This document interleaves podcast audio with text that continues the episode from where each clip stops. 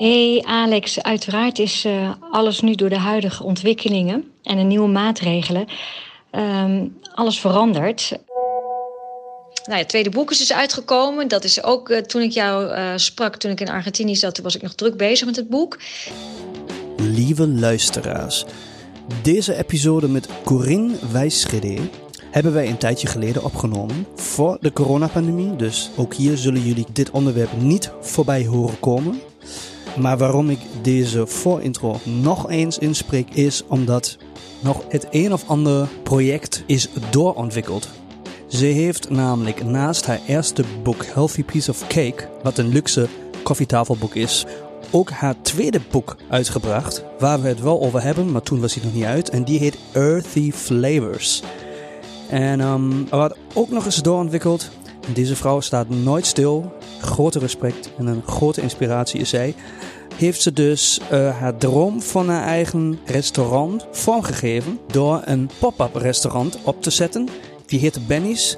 En die is heel recent nu doorontwikkeld naar Woods. Deze episode is inhoudelijk wel heel erg recent en voornamelijk heel erg leuk om naar te luisteren qua mindset, dromen, toekomstplannen en passie.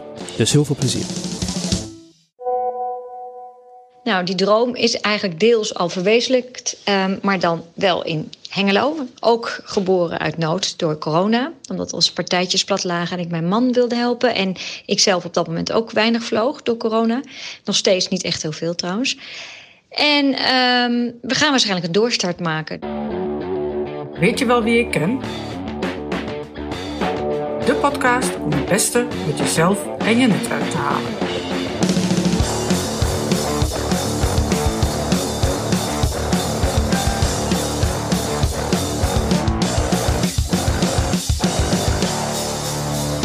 Welkom bij Weet je wel wie je kent, de podcast om alles uit je netwerk en jezelf te halen. En wij zitten hier uh, met een interviewgast, met Corinne, Corinne, sorry. Corinne. Corinne Wijsgede. En um, ik ga alleen deze podcast-episode introduceren, maar ik geef het woord door aan Rob, want Rob heeft um, deze mooie interviewgast binnengehaald. En we gaan het vandaag hebben, zoals we het altijd in deze podcast uh, hebben, over het onderwerp netwerk. Alles wat daarmee samenhangt, respect, gunfactor, hoe wij daarnaar kijken, maar ook hoe totaal iemand anders daarnaar kijkt. En wellicht uh, ook op een totaal andere manier. Dus dat gaan we vandaag uitvinden. Um, dus ja, welkom nogmaals, Corinne. En ik geef het woord door aan Rob. Ook hallo um, richting Clemens, die ook bij aan tafel zit. En wij gaan uh, het gesprek beginnen. Ja, dan uh, begin ik het gesprek. En voordat ik het gesprek begin voor de luisteraar, uh, um, zal ik even vertellen wat wij doen. De eerste uh, dame die hier zit, die geïnterviewd wordt, um, is naast dat ze heel veel andere dingen doet die ze zelf straks even gaat vertellen, ook onderneemster. Uh, dat is eigenlijk een voorwaarde voor mensen die hier aan tafel zitten. Uh, een onderneming hebben, in wat voor vorm dan ook. Um, en dan mag, wat mij betreft, het verhaal alle kanten op gaan. Uh, en dan mag het zo zijn dat de luisteraar daar wat van meeneemt. Of niet. Dat is de insteek van ieder interview.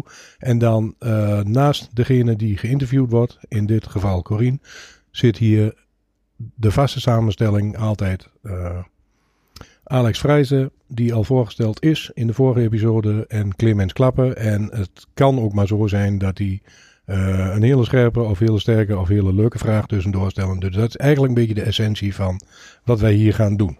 En dan ga ik bij deze niet zelf beginnen, maar dan laat ik Corine haarzelf eerst even voorstellen. Corine. Uh, dankjewel Rob. Uh, nou ja, zoals gezegd, mijn naam is Corine Wijsgede. Uh, ik ben moeder van drie kinderen, waarvan twee al uit huis. Ik ben 50. Um, ehm, ik heb een baan en daarnaast ben ik, uh, zoals jullie het zo mooi noemen, onderneemster. Dat is natuurlijk ook zo, of ondernemer. Maar zo ervaar ik het zelf niet altijd. Ik heb natuurlijk een onderneming en ik ben uh, druk daarmee bezig. Maar um, ik doe alles voornamelijk op gevoel. Heel erg dicht blijf ik bij mezelf. Dus ik, ik heb dat eigenlijk helemaal niet zo in de gaten. Ik moet wel zeggen, ik heb daar ook hulp bij, want ik ben zelf niet goed met cijfers. Dus uh, mijn stiefvader die uh, begeleidt mij daarmee en begeleidt mij uh, met bepaalde dingen, aangiftes en dergelijke. Maar inderdaad, ik geloof dat ik ondernemer ben, ook omdat ik deels in eigen beheer een, boek heb uitgegeven. En eh, dat heb ik deels in eigen beheer gedaan, omdat ik hoopte en dacht, en nog steeds wel denk, dat, eh, dat het anders kan. En dat er misschien iets meer eh, op die manier bij eh, de maker van het boek blijft hangen. Nou, dat viel enigszins iets tegen, moet ik zeggen. maar ik- nogmaals, ik ben ook niet helemaal ontevreden. En ik ben op dit moment bezig met eh, boek 2. En eh, waarschijnlijk ga ik dat ook in eigen beheer uitbrengen. Dus die onderneming die blijft, eh, blijft al staan. En ik heb een tijd lang ook eh, taartjes. dat klinkt heel gek, maar ik heb dingen gemaakt voor de horeca. gebakken. Taartjes Ja, gebakken voor de horeca. Of voor horecabedrijven. En daarvoor was die onderneming ook nodig. Maar dat, daar ben ik wel mee gestopt. Omdat ik daarnaast ook nog paar hobby's heb. En ook mijn werk. Ik werk eh, bij de KLM. Dus ja, het werd gewoon te veel. Dus ik moest keuzes maken. Ja, zo gaat dat eh, denk ik in ieder eh, leven. Ehm, hoe kennen wij elkaar eh, al, al best heel lang? Ik ga nu geen, eh, geen jaren noemen, want dan weet ook dat iedereen direct hoe oud wij zijn. Eh, en we zijn. gezegd, hoor. eh, Ja, ja, dat is ook ja, prima. dat heb je al gezegd, hè? Ja. Oh, ja, maar van mij nog niet. Oké. Ja, dus dat blijft geheim. 52. Wij zijn elkaar een tijd lang ook uit het oog verloren, omdat wij allemaal, en zo gaat het ook bij iedereen, een eigen leventje hebben. Ehm, kennen elkaar nog uit de schooltijd. Ehm, en elkaar eigenlijk weer leren kennen en weer opnieuw ontmoet, eh, zakelijk. Eh, daar is zelfs een zakelijke samenwerking nog heel eventjes Ja. uitgekomen. Ja. Ehm, en ik heb jouw boek hier voor mij liggen, waarin jij heel mooi opgeschreven hebt. Hier is het begonnen bij Bagels en Beans. Ja. Ehm, dat zeg ik even omdat de eh, rode draad in al onze episodes eh, ons netwerk moeten zijn. Dus ook vanuit die optiek kennen wij eh, elkaar. En zijn we elkaar ook eigenlijk niet weer uit het oog verloren tot op vanavond. Omdat jij hier nu ook als eerste gast mag zitten, wat ik zelf ook erg leuk vind. ja, ik ook. Ehm, dankjewel. Eh en eigenlijk mijn eerste vraag is, want je bent bij jouw eigen intro, heb jij netjes gezegd, ehm, ik heb ook nog een paar hobby's, maar nou weet ik dat jij de schrijfster bent van een boek. Vandaar de, de onderneemster, ondernemer. Eh, ik weet dat je stewardess bent, al heel lang. Eh, ik weet dat jullie zakelijk ook nog een paar andere dingetjes doen, Ja. samen met jouw man. Ja. Ik weet dat je moeder van eh, een paar mooie kinderen bent. Eh, weet ik ook toevallig. Ik weet dat jij zangeres bent. En eigenlijk weet ik best eh, heel veel dingen waar jij allemaal mee bezig bent. En de vraag die bij mij opkomt, en wellicht ook bij heel veel luisteraars. Hoe doe je dit in godsnaam in 24 uur? Doe jij dit met een tijdschema? Of eh, Ik, ik geloof wel dat ik dat zou moeten, een tijdschema. Dat heb ik dus niet. En dat is me soms ook wel eens een beetje duur komen te staan. Want ik eh, kan mezelf nog wel eens voorbij hollen. Laat dat in ieder geval al iets zijn wat ik hopelijk mensen kan meegeven. Dat ehm, je denkt dat je heel veel kunt. En dat is ook vaak wel zo, want we kunnen allemaal heel veel. En een lichaam kan heel veel aan. Maar op een gegeven moment wordt het wel te veel. En dat is mij vrij recent eh, overkomen. Dus ehm, nog steeds heb ik daar waarschijnlijk niet genoeg van geleerd. Want anders zou ik het eh, nu wel iets anders aan. Ik pak het wel iets anders aan. Maar nee, ik, ehm, ik doe zoveel dingen omdat ik A, daar heel veel plezier in heb. Dus het gaat vanzelf. Eh, enorm veel energie heb. Ik ben ook iemand met heel veel energie. Laat dat komen door mijn eh, manier van eten. Ik weet het niet. Het zal enigszins een klein beetje mee te maken hebben. Maar Denk ook, ja, toch wel. En eh, daarnaast omdat ik, het is een passie. En als iets een passie is, als je iets doet met heel veel plezier, dan ben je heel vaak niet te stoppen. En dat is dus ook bij mij het geval. En, en ik kan heel moeilijk dingen opgeven. En ik heb wel een paar dingen weg moeten strepen, maar ja, ik ben dus echt eh, met passie bezig met voeding. En daarom moet ik een platform creëren, omdat ik graag eh, in de loop wil blijven, zeg maar. En eh, dat kost ook weer heel veel tijd. Social media kost heel veel tijd. Ja, want dat voor degene die dat niet weet, eh, je zit ook op social media. Je mag zelf straks even zeggen eh, hoe jouw account en jouw boek en zo heet. Mhm. die reclame die mag jij gewoon maken. Maar nou weet ik toevallig dat jij ook op social media en op Instagram bijvoorbeeld, volgens mij ruim 40 of 41.000 volgers hebt. Ja. Nou, dat is niet kinderachtig. Ehm, en dan weet ik ook direct, daar hoef je niet zo heel veel eh, verstand van Instagram te hebben of social media in het algemeen. Dat als je zoveel volgers hebt, dat je daar ook daar wederom heel druk mee bent. Dus ehm, je pakt het allemaal aan, je doet het allemaal. Eh, mijn ervaring is ook dat als ik jou wat vraag, ook ik gewoon eigenlijk direct antwoord krijg. Ja, Binnen die 24 uur die in een dag zit. Dus eh, ehm, ja, voor mij als onderneemster dat je dat er eigenlijk gewoon nog even bij doet. Ja. Vind ik heel erg knap. En ik hoor het je net al zeggen. eh, er staat een mooie quote ook op de eerste bladzijde van jouw boek. Ik ga hem even voorlezen. Never let it be said that the dream is a waste of one's time. Uh, for dreams are our realities in waiting. In dreams we plant the seeds of our future. Heb je die zelf bedacht? Nee, die heb ik helaas niet zelf bedacht. Maar ik ben hem wel jaren geleden tegengekomen. En toen had ik al heel veel plannen.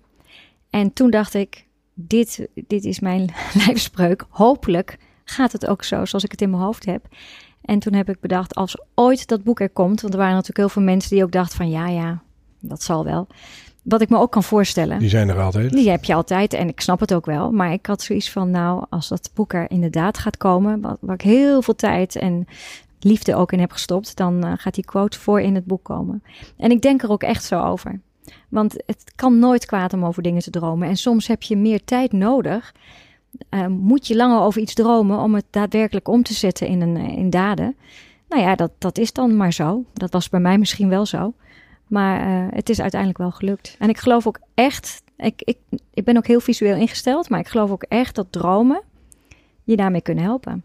Neem je actief de tijd eh, om te dromen? De, creëer je een moment met een journaling? eh, of of ga, je, ga je mediteren? Of, of, of is het iets wat je dagelijks implementeert zonder daar echt heel erg eh, eh, eh, ehm, bewust mee bezig te zijn, maar gewoon ook onbewust altijd zeg maar, tussendoor dromen? Dat vind ik echt een hele goede vraag.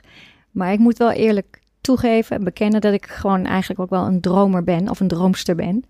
Ik, Dit is valt makkelijk. dat maakt het makkelijk. Maar ik, ik ben wel heel vaak, eh, dan word ik wakker. En dan ben ik eigenlijk al wakker. En dan dwing ik mezelf nog even teruggaan naar een bepaalde fase van het soort van dromen. En dat vind ik heerlijk. Mediteren ben ik eh, mee bezig, maar gaat me nog steeds niet zo heel makkelijk af. Maar ik wil het graag onder de knie krijgen. Ik heb ben een tijdje terug eh, alleen naar Bali geweest. Puur ook om het mediteren eigen te gaan maken en daar hulp bij te krijgen. Ik vind het prachtig, maar ik vind het heel moeilijk. dus eh, ik ben nogal druk, denk ik, dat dat daarmee te maken heeft. En, ehm, maar dromen, ja. Ik droom nog steeds. Ik zie dingen voor me. Oh, dat, en, en de ene keer komt, komt er wel wat van en de andere keer niet. Maar is dat jouw grootste drijfveer om dingen te doen dan ook? Ehm, mijn grootste drijfveer was en is misschien nog wel, denk ik, om mensen te kunnen inspireren. Want ehm, ik kan er heel eerlijk over zijn. Een, een boek uitbrengen. Er komen elke dag 50 nieuwe boeken op de markt. Is niet iets waar je nou per definitie eh, heel rijk van wordt. Dat is nooit mijn insteek geweest. Hè? Ik ben een heel rijk mens. Ik heb alles. Ik heb een goede gezondheid, prachtig gezin. Nou, we wonen sowieso in een prachtig rijk land. Laten we dat even vooropstellen. Maar ik, dat was nooit mijn insteek. Maar mijn insteek was wel: dit is mijn passie. Het heeft mij zelf zoveel gebracht. En ik wilde heel graag dat mensen dat eh, konden zien. En konden eh, ervaren en proeven. Dus vandaar dat, eh, dat ik dat zo belangrijk vond. Dat heb ik nog steeds. Maar ik heb wel dat ik mezelf nu al zeg, maar komt misschien door de afgelopen periode van het tweede boek. En daarna weet ik niet of ik nog een boek ga uitbrengen. Maar even terug, eh, vind jij financiële rijkdom een, eh, een vies woord? Ik vind het geen vies woord, helemaal niet. Want je mag best streven naar een bepaalde standaard, manier van leven. En eh, toevallig, zit hier dan met de muzikant aan tafel, maar mijn eh, zoon is best wel heel muzikaal. En die doet dat echt heel goed en leuk. En die wilde graag naar het conservatorium. Maar mijn man zei toen van, ja maar Douwe, denk eens even na. Waar word jij gelukkig van? Van muziek maken word ik gelukkig, papa. Maar word je ook gelukkig van een wat meer, eh, ja, minder, moet ik het zeggen, luxe. En toen heeft hij heel eerlijk geantwoord, nou, ik hou ook wel van luxe. Dus hij is nu, hij studeert nu economie en wil, eh, hij is wel bezig met muziek, muziek aan het schrijven en wil misschien daarna, wie weet, wie zal het zeggen, om, maar, om alleen maar aan te geven dat wij als ouders ook wel begrijpen dat het leven wat mooier kan zijn, wat makkelijker kan zijn. Als je wat meer financiële middelen hebt. Ik vind het geen vies woord. Maar het Mensen is die dit nastreven, passen die al direct in hun netwerk? Uh, nou, dat is een goede vraag weer. Jeetje, goede vraag allemaal. Um, ik ben iemand die, denk ik, met heel veel soorten mensen kan opschieten. Ik ben makkelijk in omgang. Dus ik kijk vooral naar of ik iemand een leuk mens vind of een persoon vind. En of die daarnaast dan misschien heel erg veel geld binnenharkt. Of juist niet. Dat zal me dan van latere zorg zijn. Maar nee, het streven, dat, dat hebben of niet hebben, dat wil niet zeggen als je het streeft dat je het behaalt. Nee, Maar juist het streven naar, dan, dan insinueer je eigenlijk dat mensen die streven naar een dergelijke standaard een bepaald karakter zouden hebben. vaak wel. En dat durf ik niet te Ik stellen. wel. Ik- Bikkelhard, Ja? absoluut. Ja. Kijk, nou, men, ja, ja, is dat zo? die komen, eh, die zouden best wel eens egocentrisch kunnen overkomen voor derden, totdat je daarin begeeft. Ja, En dan heeft dat wel een reden. Dat zijn wel mensen die een beslissing willen nemen, soms ten koste van een ander. En dat wil niet zeggen dat ze egoïstisch zijn, maar die hebben een weg en die willen ze gaan. Goed, Ja. goed. En of dat over lijken moet, spreekwoordelijk, hoeft dat natuurlijk niet zo te zijn. Nee. Maar het zijn wel mensen die hun weg weten en ook weten te gaan en ook durven te gaan. ja maar, dat vind ik dan wel heel knap dat je er durft te gaan. Maar als jij eh, zeg maar deze kenmerken toeschrijft aan iemand die ik zelf niet in mijn directe omgeving ken en ook niet in mijn zogezegde netwerk, voor zover ik dat heb, En daarmee beantwoord je de vraag. denk ik niet dat het bij mij past. daarom, da- daarmee beantwoord je de vraag. Ja, Ja. duidelijk. Ja, wat hier ook leuk aan is, is dat je ziet dat iedereen daar zijn eigen eh, waarde aan heeft. En netwerken, eh, waar we het net al over hadden, is voor iedereen verschillend. Mhm. Eh, hoe staat iedereen daar zelf in? Hoe kom je aan je netwerk? Ga ik zo ook nog vragen hoe belangrijk het voor je was. Wat ik eerst even wil vragen op de antwoord wat je net zelf al gaf. op de vraag die je aan je zoon hebt gesteld. Waar word je nu gelukkig van? Ja, je hebt net zelf al opgenoemd en wij hebben een beetje aangevuld wat jij allemaal doet. ja. Waar word jij het gelukkigst van? Waar word ik het gelukkigst van? Ja, het, het zijn verschillende dingen, maar als ik er drie moet opnoemen, mag ik er drie opnoemen? Je mag er van mij zes opnoemen. Nou, nee, er zijn er wel vier, denk ik. Nou, oké, mooi nou ja, waar ik natuurlijk sowieso, het is een cliché, maar ja, clichés zijn er nou eenmaal om, eh, omdat het zo is. Ik word natuurlijk vooral gelukkig van het feit dat ik eh, gezond ben en mijn dierbaren om me heen heb. En dat ja, we gelukkig zijn. En wat is geluk? Dat is voor de een weer wat anders dan voor de ander. Ja. Maar wel dat ik gewoon, gewoon lekker kan slapen en me goed voel. Dat vind ik heel belangrijk. Maar daarnaast eh, put ik ongelooflijk veel, eh, ja, noem je dat? Energie uit reizen. Ik hou van vreemde, nieuwe culturen ontdekken, omgevingen zien, mensen ontmoeten. Praat ook graag met mensen uit allerlei, eh, van allerlei culturen, uit allerlei hoeken. Ik word blij van fotograferen. Maar vooral van voedsel. voedsel eh, ja. ja. dat doe ik ook Want nog. ook dat doe je er nog bij. Ja. Dat zal wel in de familie zitten, denk ik. Dat zit wel in de familie, maar ik durf wel te zeggen dat eh, mijn zusje is dan fotograaf en mijn vader was fotograaf. Maar ik vind mijn zus wel een van de meest getalenteerde, vind ik. En dan ben ik misschien bevooroordeeld en eh, dat niveau heb ik niet hoor. Maar bevooroordeling mag ook, dat hoort Ja. er allemaal bij. Pas wel bij jou op, haar vader. Mijn zusje is Fotograaf trouwens- met de baard. De fotograaf Ja, met de Dat is baard. vroeger. En mijn zusje ja, is. Marieke Dijkhoff. Oh, Ja. dat kennen, mensen kennen vast mijn zusje wel, denk ik. En ook, ook Breed haar- netwerk. Ja, precies. ook haar ken ik. En om dan nu weer terug te koppelen naar dat netwerk. ehm, want daar zit ik hier voor. Eh, jij gaf net zelf al aan. ehm, die klik, en dat hebben wij met z'n drietjes ook al eh, eens besproken. Wat is nu voor ons eigenlijk belangrijk in een netwerk? Wanneer ontstaat een netwerk? Gaat dat met een netwerkavond? Eh, of is dat iets wat je misschien wel op Bali eh, Ja. eh, tegenkomt? Ja. Wie zal het zeggen? Eh, ik ben daar jammer genoeg nooit geweest, dus mijn netwerk ligt daar niet. Ehm, eerste directe vraag aan jou. Wat heb jij voor jouw boek? Want daar zit je hier ook een beetje voor als onderneemster, omdat je schrijfster bent van een boek en daar ook een deel van de kost mee verdient. Ehm, heb jij daarmee of daarbij jouw netwerk gebruikt? Ik denk het wel. Zin? onwillekeurig of onbewust. Eh, ik ben ook wel eens gevraagd voor een netwerkclubje ooit. En dat is niet helemaal mijn ding, heb ik ontdekt. Eh, maar dat boek is ook tot stand gekomen door een vriendin van mij. Of eigenlijk is zij nu meer vriendin geworden van mij. Ze was een soort kennis. En zij heeft me weer voorgesteld aan de juiste mensen. En toen is het balletje gaan rollen. Toen heb ik een vormgeefster leren kennen die ook weer uit een bepaalde groepje kwam. Dus ja, netwerken eh, is wel een onderdeel eh, geweest van het feit dat het boek tot stand is gekomen. En ook daarna was het voor mij heel belangrijk. Eh, ik had er niet altijd even veel zin in, maar ik heb het toch maar gedaan. En toen bleek het toch wel heel leuk te zijn. Want de, zeg maar die foodiewereld is vooral heel actief in Amsterdam. En dan werd ik vaak uitgenodigd voor events. En uh, nou ja, dan ging ik toch wel weer met mijn autootje vanuit uh, Hengelo, Twente, richting Amsterdam. Dus ik ben wel op heel veel van dat soort netwerkachtige bijeenkomsten geweest.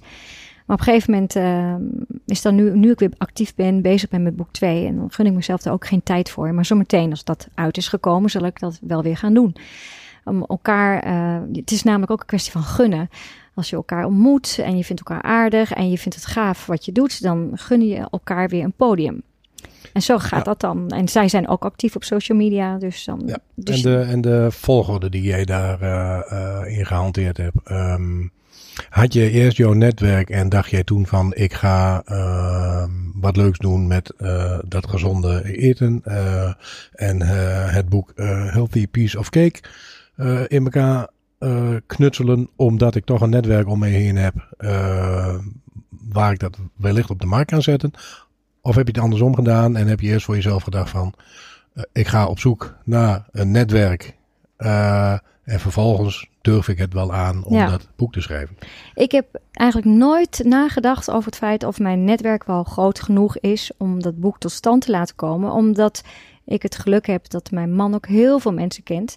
En ik waarschijnlijk eh, heel natuurlijk al wel deel uitmaak van een bepaald netwerk.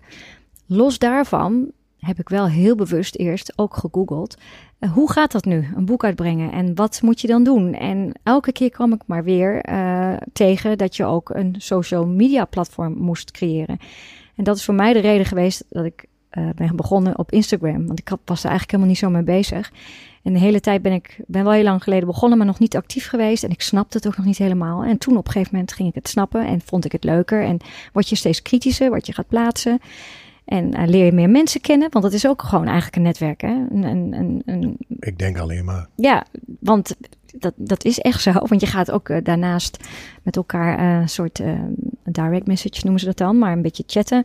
Dus en dan gaat het wel. het ging ook best lekker. Want jij zegt eh 41.000 volgers, dat klopt. Maar die had ik drie jaar geleden ook. Ik moet nu voornamelijk mijn best doen om, die, om dat volgersaantal te houden. Want het is sinds de invoering van het algoritme echt heel moeilijk geworden op Instagram. Maar ik laat, want er zijn genoeg mensen die volgers kopen en weet ik veel wat. Maar dat doe ik dus niet, want wat heeft er voor zin? Heb je geen ook- engagement? Anders zijn geen toegevoegde waarde. Nee. Nee, het is even leuk eh, dat je volgsaantal heel hoog is en dat mensen misschien eerder met je in zee gaan, eh, zakelijk. Maar als ze een beetje daar doorheen kunnen prikken, dan kunnen ze wel zien dat het niet echt is. Dus daar doe ik dan niet aan. Maar ik moet er keihard voor werken om dat aantal nu eh, op dit, dit eh, op 41.000 te houden. En dat doe ik dan maar. En, eh, ehm, maar dat is dus wel geboren, dat hele Instagram, dat netwerk, eh, dat digitale netwerk. Eh, omdat omdat eh, alle ehm, uitgeverijen, uit- uitgevers eh, zeiden van ehm, wat voor een platform heb je? Dat vinden mensen, of vinden uitgevers gewoon heel interessant. Toen dacht ik, nou dan ga ik er maar mee beginnen. En toen was er nog helemaal geen boek. En is het voor jou erg als je van 40.000 teruggaat naar 20.000 straks, omdat de algoritmes veranderd zijn? Of vind je dat eigenlijk niet zo belangrijk? Ik vond het een tijd wel belangrijk. En ik krijg steeds meer zoiets van. "Ha, pah." Ja, omdat ik er heel hard voor gewerkt heb, hè, is het best wel zuur. Dat, eh, het heeft allemaal te maken met eh, geld. Want eh, Instagram is overgenomen door Facebook. En eh, ze willen gewoon promoten dat je gesponsorde posts doet. Wat ik Ja. dus wel een keer heb gedaan met de moederdagactie. Maar dat ga ik natuurlijk niet doen. Dus, Heb je eh, een business, heb je een business account of gekoppeld aan een Facebook pagina? Ja, ik heb ja, Ja, ja, een- een gekoppeld aan een Facebookpagina. Ja. Dus het is, je zou kunnen zeggen business. Het heet persoonlijk blog. Maar het is je eigenlijk hebt, wel- Je hebt insights, denk ik, hè? Dat je, dat je statistiek... Alles kan ik zien. precies. Ja. Ja. Maar ehm, ook dat is een manier van. eh, het is ook een strategie Mm. om je persoonlijk voor te stellen, eh, te presenteren. Ga jij nu voor de luisteraar je persoonlijk even voorstellen voor jouw Facebook en Instagram? Hebben we dat ook gehad? Nou ja, ik ben te vinden op ehm, is ehm eh, at healthy piece of cake. En dat komt eigenlijk meer, eh, die naam komt vandaan van, het is eigenlijk een fluitje van de cent. Om gezond en lekker te eten. Ook cakejes toevallig. maar- en zo heet ook je boek. Ja. En zo, heet- mijn boek heet It's a Healthy Piece of Cake. Ja. Ja. Ja. Vooral eh, via bol.com. Nu, toch, eh, nu ik toch reclame mag maken. Ja, nee, dan moet je dat ook. Dan moet je Ja. dat ook gewoon met beide handen pakken. Ik En de directe link in de Instagram eh, description. Uiteraard. In ja. bio, uiteraard. Ja. Link in bio. Oké, ehm, Ik wil een stapje terug. Je gaf twee, twee vragen terug, gaf je aan een, eh, ondernemersclub, standaard misschien, zoals wij die bedoelen, hebben wij in het eh, eerste episode hebben wij behandeld. Ja, Dat was niet zo'n ons ding om populair te spreken. Waarom past het niet bij jou? maar ten eerste was het heel lang geleden, was ik stukken jonger. En was de gemiddelde leeftijd toen ietsjes hoger. Dus de ik- vorige eeuw? ja, dat- ja, inderdaad, in de vorige eeuw. Ja. Nou nee, het was, nee, het was niet in de vorige Allemaal- eeuw. Allemaal direct in één keer 20 jaar. Nee. ja, het is heel fijn. Heel lekker, Clemens. Maar, ehm, en ten tweede, eh, als ik dingen moet, het wordt van tevoren opgelegd. Ah, ik weet niet, daar kan ik nooit zo goed mee omgaan. Maar als ik er eenmaal ben, is het wel heel gezellig en leuk. Dus ehm, ik ga nu af en toe in Enschede naar Let's Lunch. Dat vind ik heel leuk, want het is, het moet niet, maar het mag. Dus dat, dat vind ik dan wel leuk. En je kan weer Ja. lekker eten, dus ook altijd leuk. Dat is voor jou dan een essentie van eh, een businessclub. Want ik snap de vraag van Clemens ook goed. Wij hebben het daar Ja. ook over gehad. Wat is een Eh, businessclub? onze filosofie achter de businessclub is eigenlijk eh, dat je dat niet helemaal af kunt dwingen. Nee. En als je naar een clubje gaat, voor het clubje en voor de business, dan moet je wellicht niet helemaal aan beginnen. Omdat we daar eigenlijk alle drie ook wel eens van terug zijn gekomen. Mhm. Maar zoals je eerder in het gesprek al aangaf, de klik is er. Ja. En wat je zo mooi zei, en daar staan wij alle drie helemaal achter, de gunfactor. Ja, Eh, dat is in ieder geval volgens ons veel belangrijker in een netwerk dan welke netwerkavond Denk ik ook. dan ook. ja. Eh, want dat, dat is volgens mij waar je de basis legt met iemand anders, waar je eventueel later wel of niet eh, iets aan hebt. Maar goed, Mhm. dat is ons idee. En de Ja. basis van de podcast natuurlijk waar we mee bezig zijn. ehm, in deze podcast eh, hebben we standaard drie vragen eh, die wij iedere ondernemer die hier bij ons aan tafel zit eh, gaan stellen. Eh, ook voor de luisteraar om te kijken van, kan ik daar wat mee? Heb ik daar wat aan? Eh, kan ik daar voor mij ook iets uithalen? Eh, die ga ik jou dus ook stellen.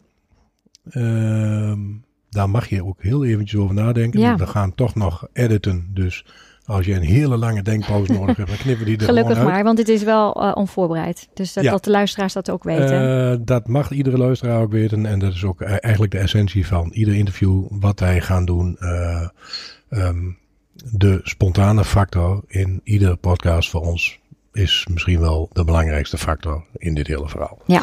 Maar ik ga ze je toch stellen. Ja. Vraag 1. Eh, eigenlijk moet ik er nou een belletje bij hebben. Zou leuk zijn, hè? ja. Alles kan achteraf. Ja, alles. ja, alles kan. Eh, de- we- Ding dong, Straks ding zit er zoiets. Precies. Ehm, als jij zakelijk nog één iemand één berichtje zou mogen sturen, en wie zou dat dan zijn en wat zou dan de boodschap zijn? En dan hebben we het wederom over een netwerk. Gerelateerd berichtje. Ja, nou, het is een heel direct netwerk. Het is heel dichtbij, maar dat, denk maar aan één iemand, dat is mijn man. Ik zou alleen nu op dit moment niet kunnen verzinnen wat ik hem dan eh, eh, zou gaan sturen. Het is natuurlijk ook totaal afhankelijk van eh, in welke situatie je bevindt en wat er aan de hand Zeker. is. Maar ehm, als je uitgaat van een situatie dat ik hulp nodig heb, ja, Zakelijk gezien. zakelijk gezien. Dan, en ik weet ook dat het zo is. Ik kan hem altijd vragen om hulp. Ook mijn stiefvader, daar niet van. Maar als ik echt omhoog zit en eh, ik heb direct hulp nodig, dan weet ik dat ik dat. eh, en hij zou me ook helpen. Dat weet ik ook zeker. Ik kan nu niet een vraag verzinnen. Eh, meer van eh, wat zou een vraag kunnen zijn? Ja, moet ik nou wel of niet met een uitgever in zee gaan of het zelf gaan doen? En dan ook nog er- eh, ervan uitgaan dat er maar een uitga dat je in die luxe positie zit, dat er een uitgever is die het boek wil gaan uitgeven. Dat is natuurlijk ook nog maar de vraag.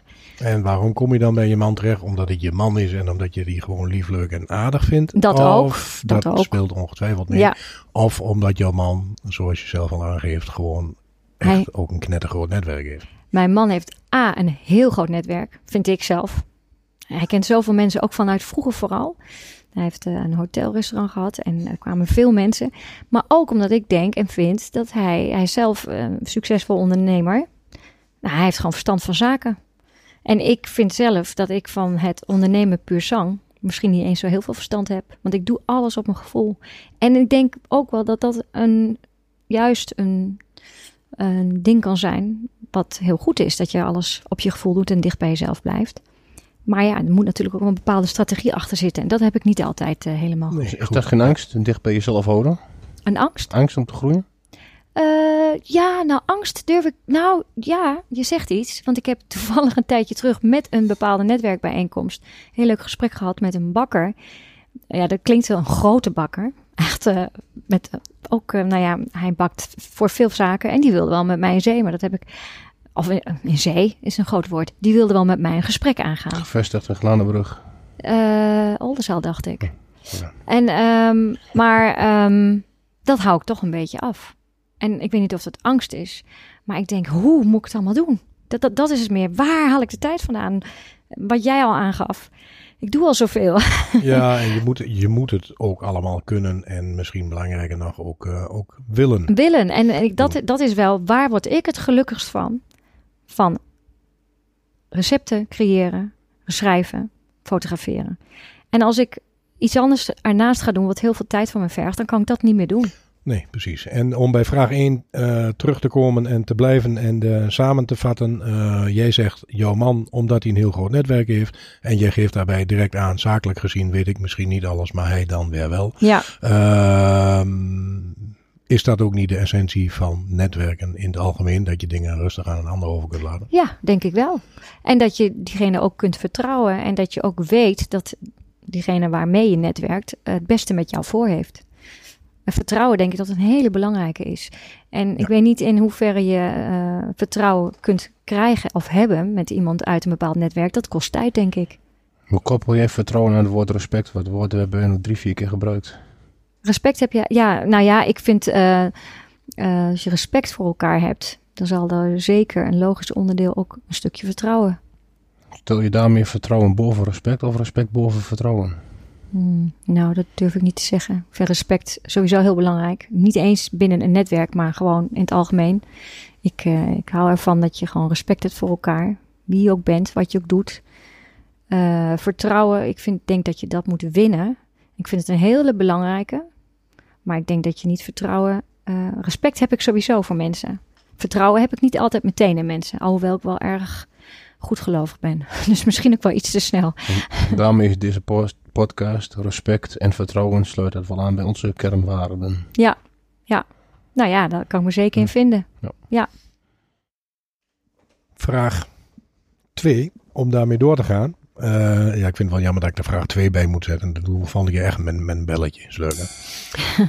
Ehm, dit is een hele korte vraag. Ehm, hoe eindigt jouw zakelijk bestaan? En ik heb hem wellicht wat, wat vreemd opgeschreven.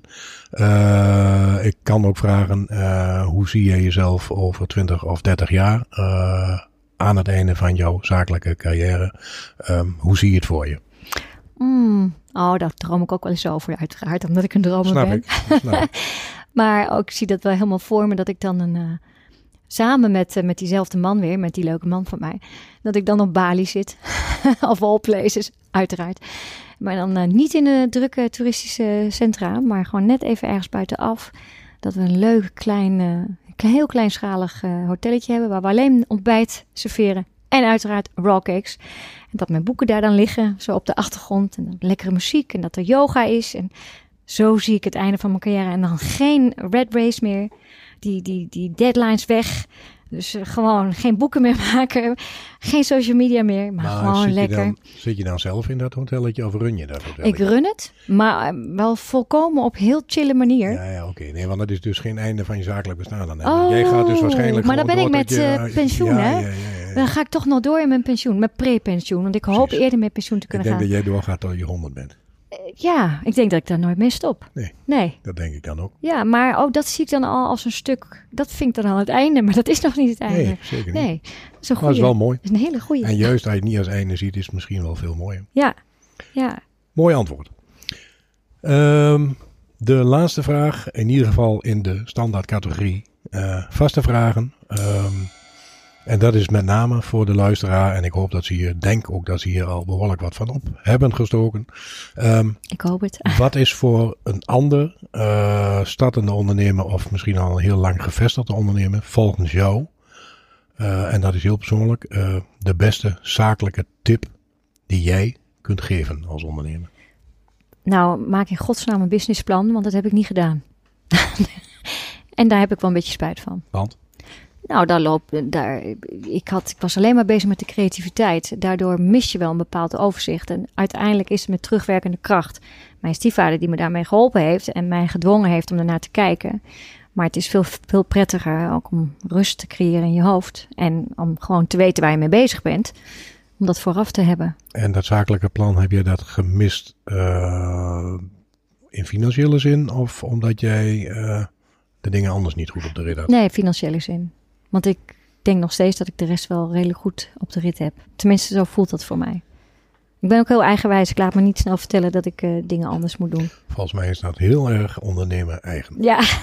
is geen slechte eigenschap Nee. in die zin. Nee. Ik, ik heb een tussenvraag betreft de businessplan. Mhm. Vooral voor jonge ondernemers. Want businessplan is zo'n groot woord wat Ja. je heel moeilijk kunt grijpen. Je hebt het nu met terugwerkende kracht gedaan. En Mhm. ook met hulp van iemand die Ja. grote expertise daarin heeft.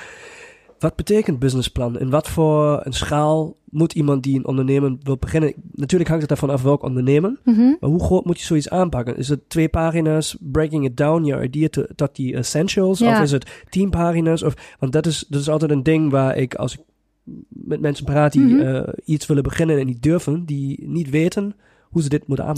Nou, is businessplan misschien ook best een heel groot woord en gebruik ik het te makkelijk. Eh, ik, ben, ik, ik bezit niet de expertise om dat uit te leggen. Ik kan wel vertellen hoe ik het eh, uiteindelijk eh, heb Mhm. gedaan. Ehm, dit is eigenlijk voornamelijk terugbrengen naar uh, nou, waar jij dan weer verstand van hebt. Kosten, baten, dat soort dingen. En daar heb ik echt 0,0 verstand van. Ik heb best wel geld geïnvesteerd. En dan heb ik het nog niet eens over uh, alle tijd die erin zit. Tijd is in principe geld niet voor mij, maar het is natuurlijk wel zo. Alle producten die ik heb moeten kopen om recepten te proberen. Want ik heb ook alles moeten testen. En het was nog niet lekker, moest het weer opnieuw. Dat heb ik nog niet eens daarin meegenomen. Maar op een gegeven moment was het wel, ook om uh, rust te krijgen en overzicht te krijgen, uh, wel goed om te kijken, wat heb ik er nou financieel ingestopt? Wat denk ik en wat hoop ik eruit te kunnen halen? Wat moet ik eruit halen? In die zin bedoel ik dan een businessplan. Maar misschien is dat niet eens een businessplan. Misschien kun jij dat aanvullen. Ja, businessplan is natuurlijk uh, je eigen onderneming beschrijven, kansen in de markt. Uh, ja. waar, waar, waar, sta je? Ja. Dat gekoppeld aan cijfers met een uh, financiële begroting erbij ja. en een openingsbalans. En ik ben niet naar de bank gegaan. Ik had zelf een potje, zeg maar. Ja, goed. Ja. Misschien is dat de reden waarom dat je geen businessplan hebt gemaakt. Want de bank stal hem uh, in Nederland en ook in Duitsland, Alex. Ik weet heel klein beetje van iets over de grens. Die gaat op zeker eisen. Ja. En ja. het is dus 30% ondernemen, 30% plan en 30% business en 10% geluk. Dus, ja, Sterker nog, niet alleen banken denk ik, maar ook investors waar je naartoe gaat. Het hoeft niet alleen altijd een bank te zijn. Hè? Nee, nee, maar goed, dat is natuurlijk wel vrij behoudend. Kijk, zo op dit moment kun je natuurlijk op vele manieren uh, investeren. Maar ja, goed, het is nog een beetje een kobo-markt natuurlijk buiten de geëigende gepaarde, de begane wegen om. Correct.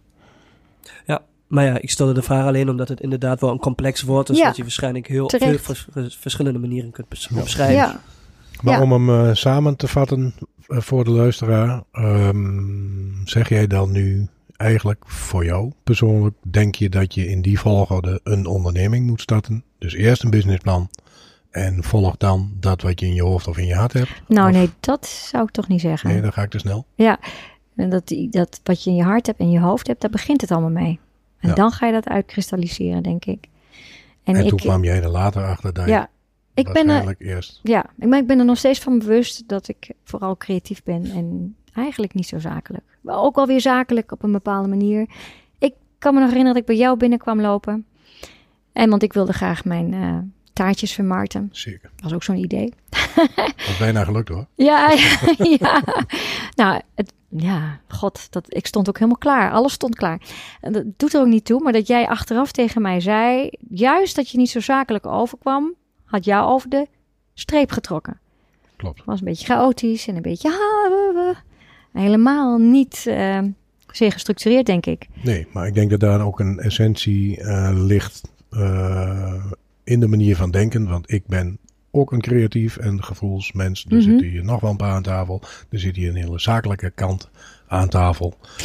En dan kun je dus ook zien hoe die verschillen kunnen werken. En voor ons op dat moment werkte dat heel goed. Ja, Want als jij en wie dan ook bij mij op dat moment heel zakelijk binnen was gekomen, mhm. dan was waarschijnlijk de deur direct uh, dichtgegaan. ja. Dus ik denk ook dat het heel erg mee te maken heeft wie, uh, met wie je in Ja. gesprek bent en wie je tegenover uiteraard. Dat is, is ook zo. En dicht, toch dicht bij jezelf blijven, denk ik. Dat past ook gewoon niet bij mij. hele Dat vind ik, zakelijke. Dat vind ik eh, voor deze vraag in ieder geval ook een hele mooie afsluiter. Dicht bij jezelf blijven. Want dat is volgens mij de credo, het credo dat ik zelf al jaren gebruik. Blijf nou in godsnaam het dichtst bij jezelf. Ja. En dat wat je ooit bedacht hebt. Ik denk dat dat voor iedereen de sterkste kant is. Mhm. Dus die tip krijgt de luisteraar dan nu van mij ook nog even mee. Ehm, heb jij zelf nog iets wat jij aan dit gesprek wilt toevoegen, wat ik jou niet gevraagd heb, eh, wat jij wel heel, heel graag kwijt kunt, wilt? Ja, ik, ehm, ik denk gewoon dat je dat moet doen eh, hè, als dat kan. Als je dat geluk hebt. Dat je dat moet doen wat je heel erg blij maakt. En ik denk dat je...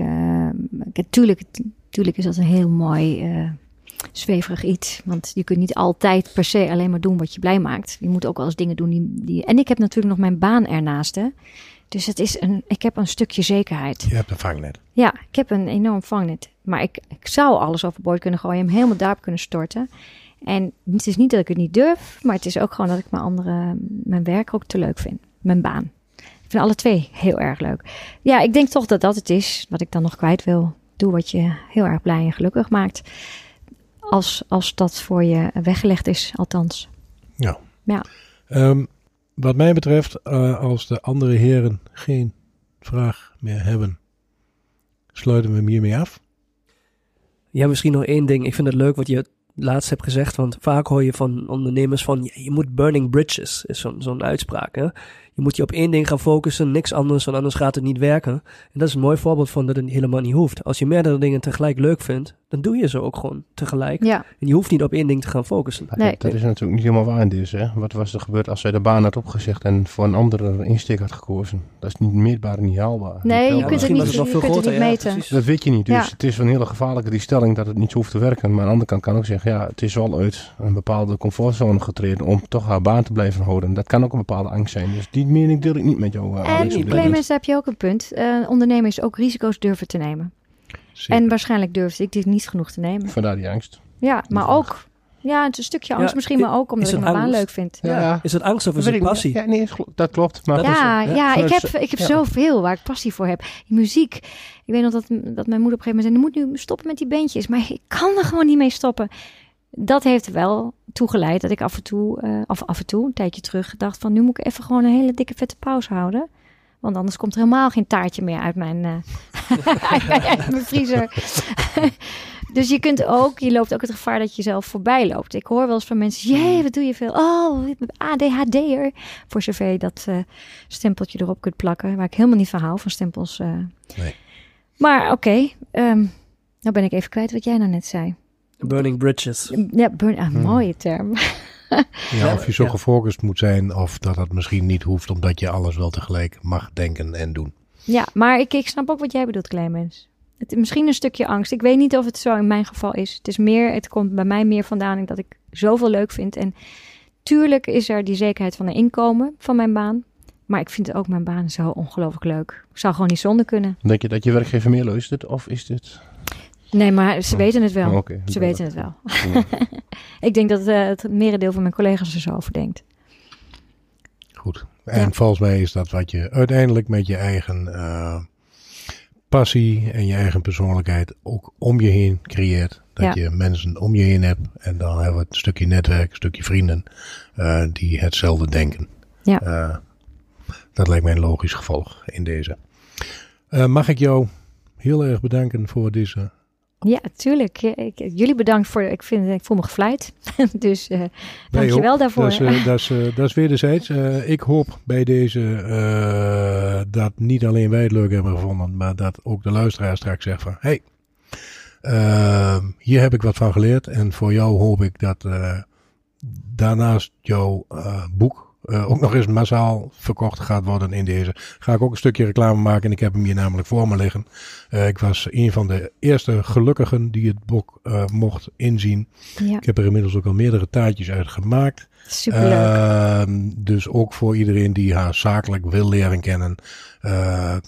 Koop het boek. Het is een fantastisch boek. Eh, en dankjewel. dan ben je ook nog eens gezond bezig als je dat boek koopt. En dat vindt Corine zelf niet erg. Als je dat Nee, ik verkoop nog wel, maar ik kan altijd meer natuurlijk. dankjewel daarvoor. Graag gedaan.